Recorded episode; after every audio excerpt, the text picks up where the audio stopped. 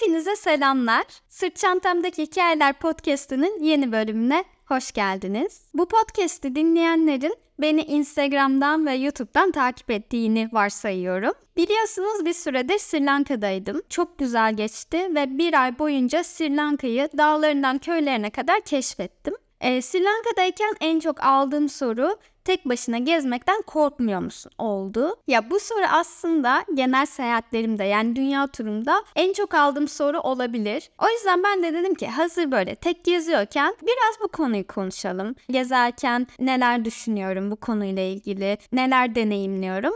Sizlere bu podcast'te bunları anlatacağım. Öncelikle birkaç şey söyleyeceğim bu konuya geçmeden önce. Ben YouTube'a geri döndüm ve çok mutluyum gerçekten. Uzun bir zamandır istiyordum YouTube'a geri dönmeyi. Ama böyle bir şeyler oluyordu orada. Ne bileyim yetiştiremiyordum ya da en iyisini yapmaya çalışıyordum belki de. Önümdeki yani aslında kafamdaki bu engeli aştım ve bunun için çok mutluyum. Bu seyahatim boyunca YouTube videoları üretmek de beni çok iyi hissettirdi. Sizle buluştum bir nokta ya orası. Yeniden o bağ yaratabilmek gerçekten beni çok mutlu hissettirdi. Sri Lanka boyunca aslında hep yanımdaydınız. Bunu videolarda da göreceksiniz. Zaten birkaç video yayınladım. Eğer izlemediyseniz hala onlara da bakabilirsiniz. İkinci olarak da 8 yıl sonra tekrar Sri Lanka'ya gittim ve benim için çok duygusal bir yolculuktu. Gerçekten çok duygulandım ve her e, duygu yoğunluğu yaşadığımda kamerayı açıp sizlerle paylaştım. Çünkü ben Sri Lanka'ya gittiğimde podcast'te de anlatmıştım zaten.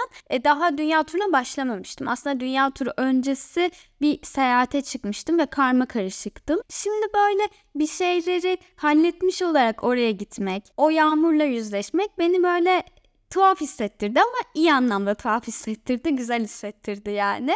Başlamadan önce bunları bir söylemek istedim. Çünkü hani YouTube'dan da Instagram'dan da takip ettiğinizi düşünüyorum.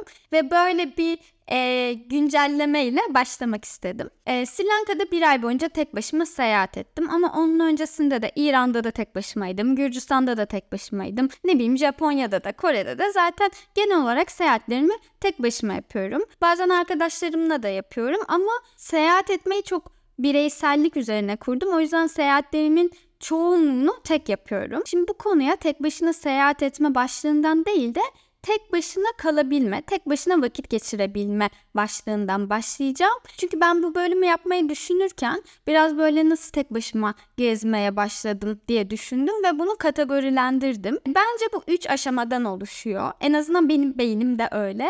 Ee, birincisi tek başına vakit geçirme. İkincisi yalnız yaşama ve üçüncüsü aslında tek başına seyahat edebilme becerisi. O yüzden böyle sırayla gideceğim. Şimdi ilk olarak tek başına vakit geçirebilmeden başlayalım. E, ben üniversiteye gittikten sonra aslında bu becerim biraz daha gelişti. İlk eve çıktığımda oldu. İşte Kadıköy'de yaşamaya başlamıştım ve o mekanı keşfetmek için sürekli tek başıma dışarı çıkıyordum, geziyordum. Ne nerede keşfediyordum. Ve böyle yürüyüş yapıyordum aslında tek başıma. Hani bu birçoğumuzun yaptığı şeydir. E, ama bazı arkadaşlarım vardı. E, ben İstanbul'da oturmuyordum ondan öncesinde. Başka bir yerde oturuyordum ve İstanbul'a üniversite okumaya gitmiştim. İlk senede şey olur ya İstanbul'u gezelim, İstanbul'u keşfedelim evresi. Ve mesela arkadaşlarımla hani bu hafta şuraya gidelim diyorduk. Ben oraya gitmek istemiyordum. Ben başka bir yere merak ediyordum. Ben tek başıma oraya gidiyordum. Ama arkadaşlarım yalnız kalmamak için aslında işte A mekanına gitmek istemiyor, B'ye gitmek istiyor. Ama herkes A'ya gitmek istediği için A'ya gidiyordu. Çünkü yalnız kalma korkusuna yani tek başına bir şeyler yapmaktan çekiniyorlardı. Ya ben de bu böyle çok yoktu. Aşırı korkmuyordum yalnız kalmaktan. Ya zaten ne olabilir ki İstanbul'dasın ya. Hani kayboldun bir şey oldu geri dönersin. Zaten bildiğin yer yani. Hani %70 oranıyla bildiğin yer. Sonra bunlar biraz daha arttı bende. Tek başıma vakit geçirme isteği. İşte üniversitenin sonlarında işe girdiğimde falan tek başıma sinemaya gidiyordum mesela. Ya bu arkadaşlarım şaşırıyordu ama ya sinema zaten tek yapılan bir eylem değil midir? Yani bana mı sadece garip geliyor? Çünkü arkadaşınla bile gitsen tek başına izliyorsun. Yani bireysel bir etkinlik aslında. Ha, çıkışta tabii ki de arkadaşlarına konuşursun falan ama tek başına sinemaya gitmeye bu kadar şaşırılmaması gerekiyor bence. Sonra bunlar böyle tek başına kahveye çıkma, ormana gitme, parka gitme şeklinde böyle genişledi genişledi. Ben şeyi fark ettim tek başıma vakit geçirirken. Kendi iç sesimi duyabildiğimi fark ettim. Bu iç sesini duyabilmek de sana ne istediğini fark ettiriyor. O an neye ihtiyacın olduğunu fark ettiriyor. Ve bu çok önemli bir şey. Yani şöyle düşünün. Hani 20'lerin ortalarındasınız. Yeni işe girmişsiniz ve e, hayattan bir beklentiniz var. O durumlar çok karışık ya. En son videomda da anlatmıştım. Böyle 20'lerin ortaları gerçekten çok karışık. Çünkü hani sizin istekleriniz var, hayalleriniz var. Bir de toplumun sizden beklediği şeyler var. Ailenizin sizden beklediği şeyler var ve e, zaten bir yol var ya. Hani o yoldan yürümeniz bekleniyor.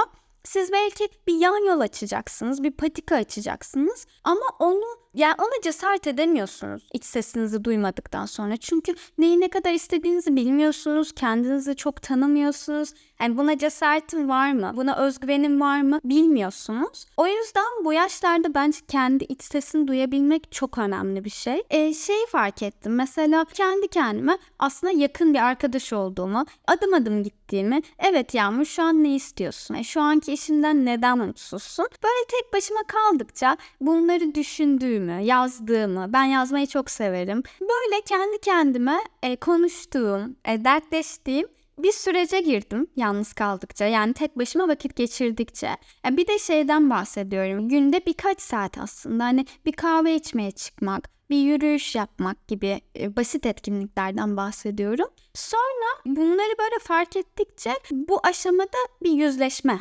yaşıyorsunuz. Ya kendinizin karanlık taraflarını daha iyi fark ediyorsunuz ya da olumlu taraflarını ve bu yüzleşme bence hayattaki en önemli adımlardan birisi. Bu yüzleşmenin her zaman açık olması çok önemli bir adım. Ama bu yüzleşme sürecine daha sonra geleceğim. Ya bir de şey diyeceğim. Bu iç sesini duyabilmenin üzerinde durmamın nedeni Türk aile yapısı buna çok izin vermiyor. Hani günümüzde biraz daha bu esnemiş olabilir.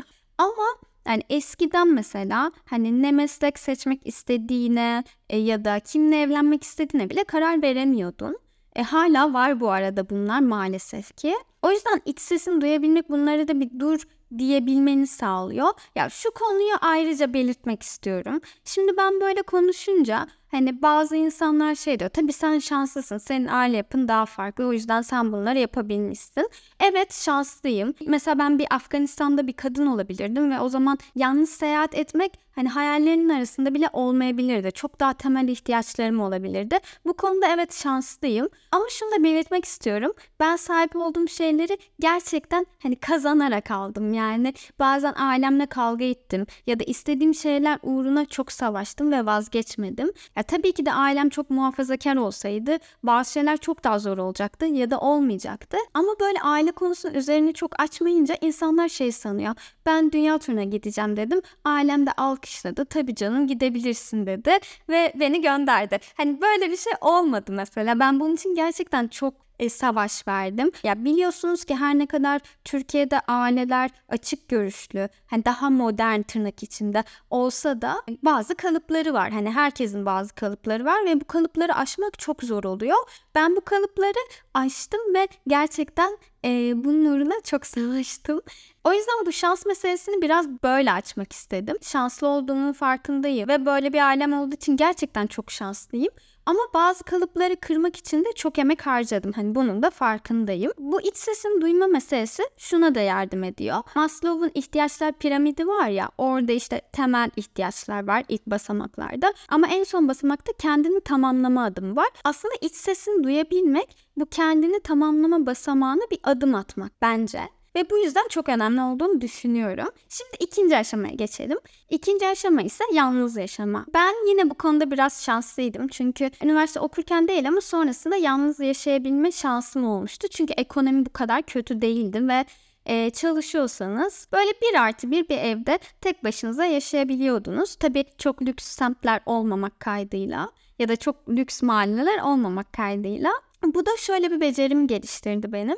Yani yalnız yaşayınca her sorunu kendim hallettim. Bu da size böyle yavaş yavaş bir özgüven veriyor. Yalnız yaşamak biraz da tek başına hayatta kalma, var olma süreci ya. Burada bir şeyleri kendiniz halledince aslında evet kimseye ihtiyacım yok duygusu biraz daha pekişiyor. Mesela musluk bozuldu atıyorum çok basit bir şey. Ya ailenizle yaşasanız o sorun bir şekilde çözülecek ve belki siz hiçbir şekilde bilmeyeceksiniz. Hani musluk bozulunca ne yapılıyor? Aslında çok basit. Ya kendin tamir edeceksin ya da usta çağıracaksın. Çok küçük sayılan sorunları bile halletmek gerçekten karşılığında büyük bir özgüven veriyor size ve kendi karar mekanizman da çok gelişiyor ve sonuçlarına da kendin katlanıyorsun. Bu sonuçlarına kendin katlanıyorsun olgusunu birazdan yine açacağım. Çünkü bu aslında beni tek gezmeye daha çok teşvik eden bir şeydi. Ama şu da var. Hani kendi konfor alanını yaratıyorsun. Bu kendi konfor alanını yaratma biraz tehlikeli geliyor bana. Yani yalnız seyahat ettikçe daha çok böyle tehlikeli gelmeye başladı. Çünkü konfor alanını genişlettikçe aslında yeni bir maceraya atılmıyorsun ve hep o konforu seçiyorsun ve bu da seni tembelleştiriyor.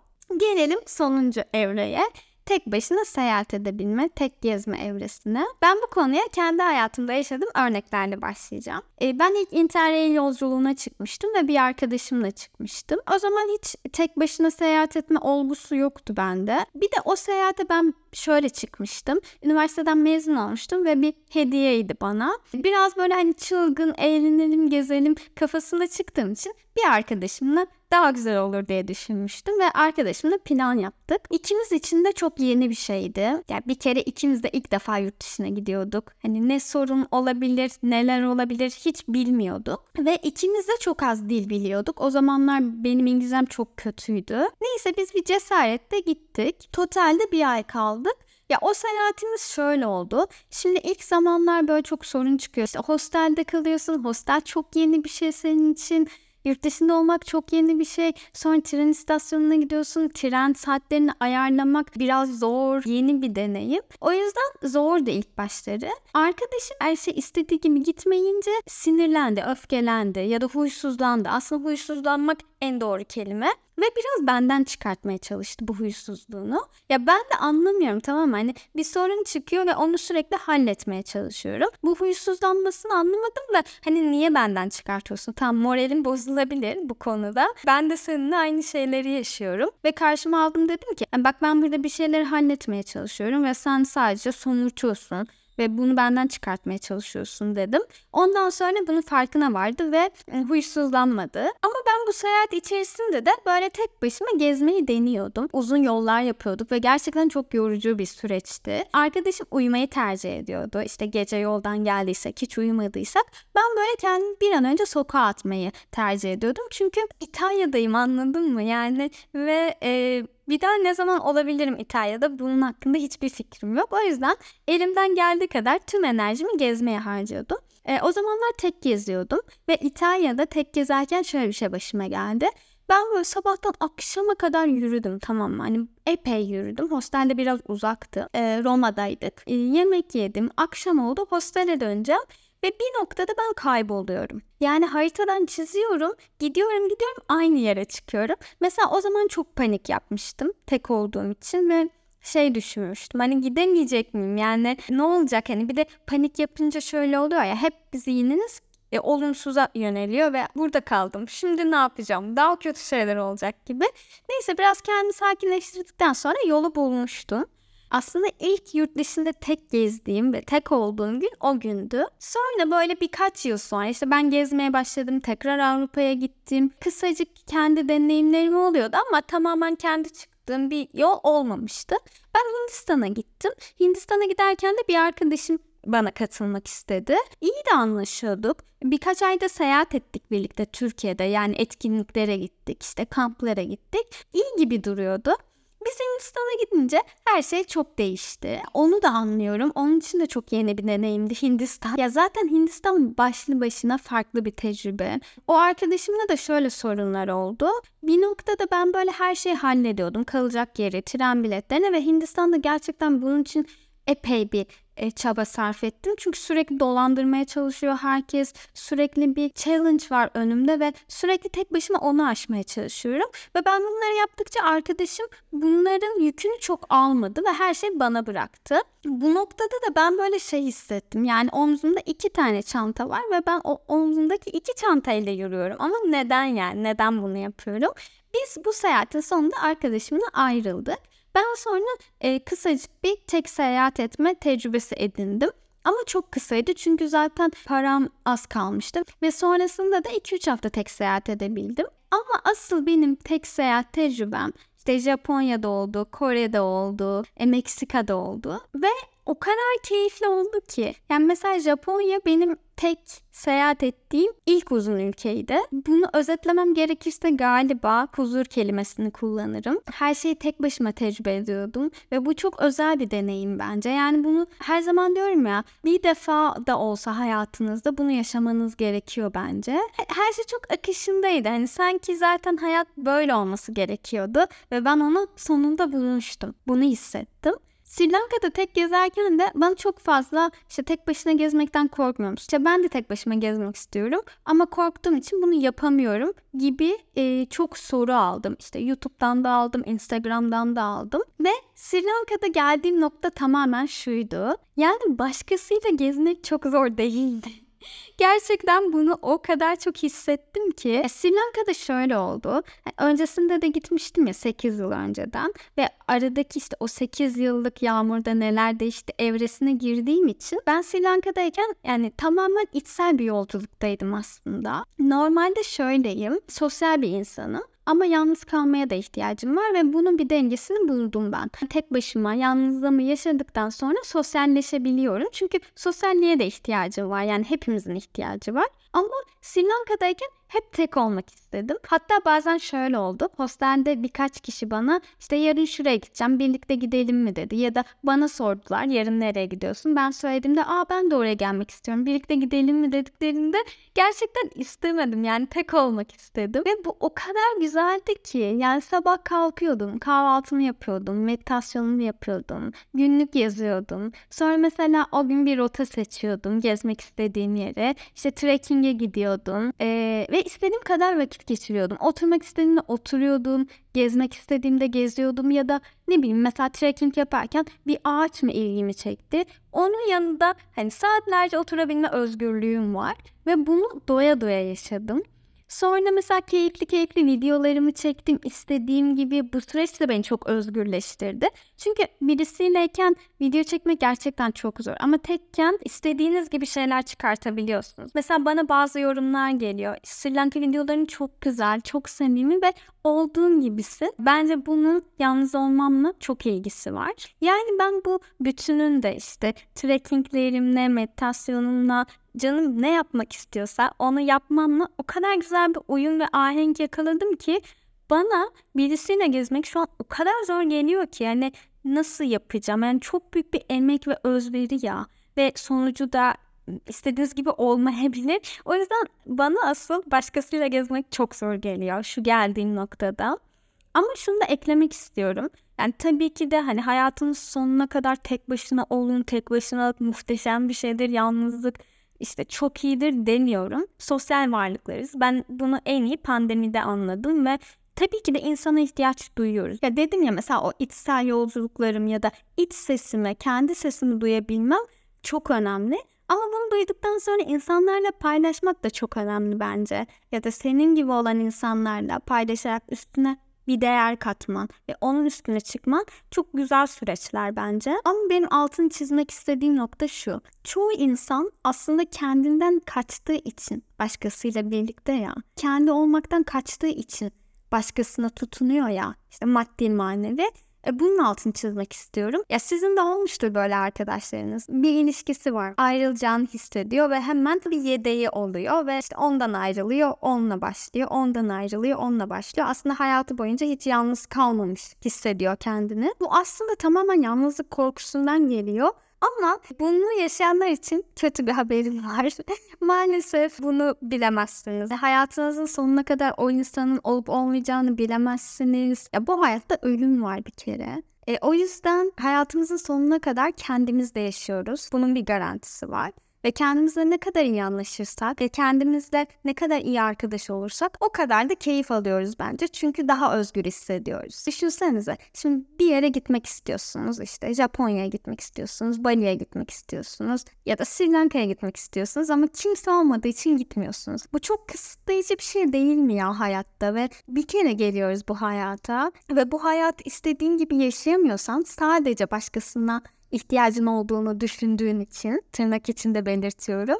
Bu çok kısıtlayıcı bir şey ve hiç özgür bir hayat değil. O yüzden tek başına bir şeyler yapabilme becerisi bence çok özgürleştiriyor. Bu arada çok yalnızlıktan bahsettim ama bahsettiğim yalnızlık sadece fiziki bir yalnızlık değil. Çoğunlukla psikolojik anlamda bahsediyorum. Yani mesela benim arkadaşlarım var tek başına yaşayan, tek başına bir şeyler yapabilen. Ama hani kendiyle yüzleşmedikten sonra bu bahsettiğim iç sesini duyabilmek ya da özgürleştirici süreçlere hiç yaklaşmış olmuyor. Aslında bu olayın en önemli şey yüzleşmek. Size de e, en başta anlatırken dedim ya bu yüzleşme konusunu açacağım diye tekrar. Yani dediğim gibi benim böyle çok tanıdığım var ama kendiyle yüzleşmeyip kendine samimi olmadıktan sonra kendine yalan söylüyor. Ve gerçekten kendine yalan söylüyor. Mesela diyor ki ben şöyle bir insanım diyor.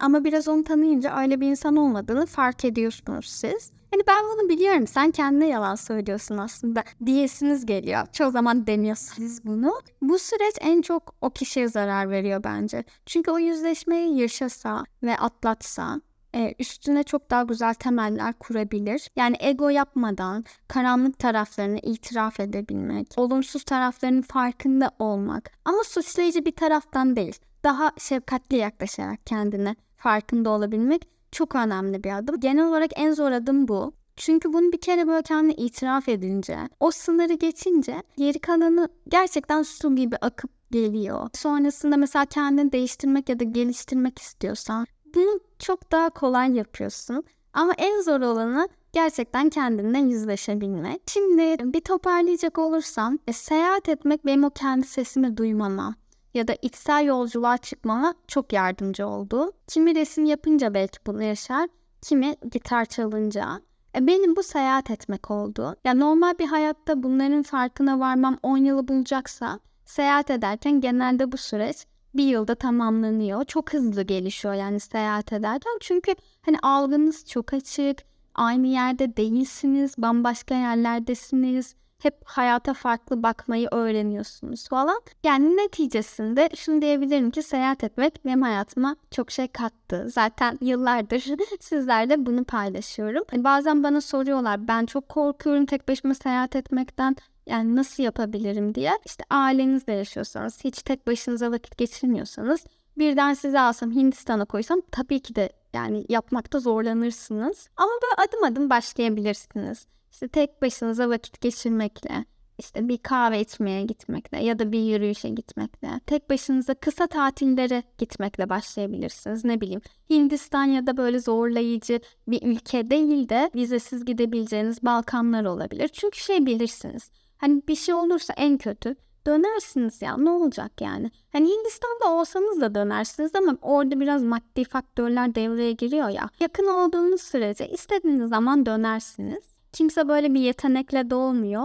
Sadece bunu geliştiriyor, adım atıyor. Ben de öyle yaptım ve olduğum noktadan çok memnunum. Çünkü kendimi çok özgür ve çok güçlü hissediyorum. Yani hiç kimseye ihtiyacım yok. Hiçbir şey yapmak için hiç kimseye ihtiyacım yok ki ben varım. Ben kendime yetiyorum ve ben her şeyin üstesinden gelebilirim. Bu çok güçlü bir duygu bence ve olması gereken de bir duygu hayatta. Çünkü bu olmadığı için yanlış kararlar verebiliyoruz. E, Sırf başkasına ihtiyacımız olduğunu düşündüğümüz için. Yani kısacası böyle yine epey bir konuştum ama beni anladığınızı düşünüyorum. Çünkü e, ortak bir değerimiz var yıllardır paylaştığımız seyahat etmek. Bu duyguları kelimeleri kullanmasak bile hissediyoruz bence karşılıklı olarak. Bu çok özel bir şey. Neyse şimdi ben buradan konuşmaya başlarsam gerçekten bitiremem ve saatlerce uzar bir podcast. Umarım beğenmişsinizdir. Yorumlarınızı bekliyorum. Bu arada bu bölümü sevdiyseniz e, beğenirseniz, paylaşırsanız çok mutlu olurum. Çünkü Spotify algoritması böyleymiş. E, takip etmeniz, de beğenmeniz, paylaşmanız daha çok öne çıkmasını sağlıyormuş. O zaman yeni bölümde görüşmek üzere diyorum. Kendinize çok iyi bakın.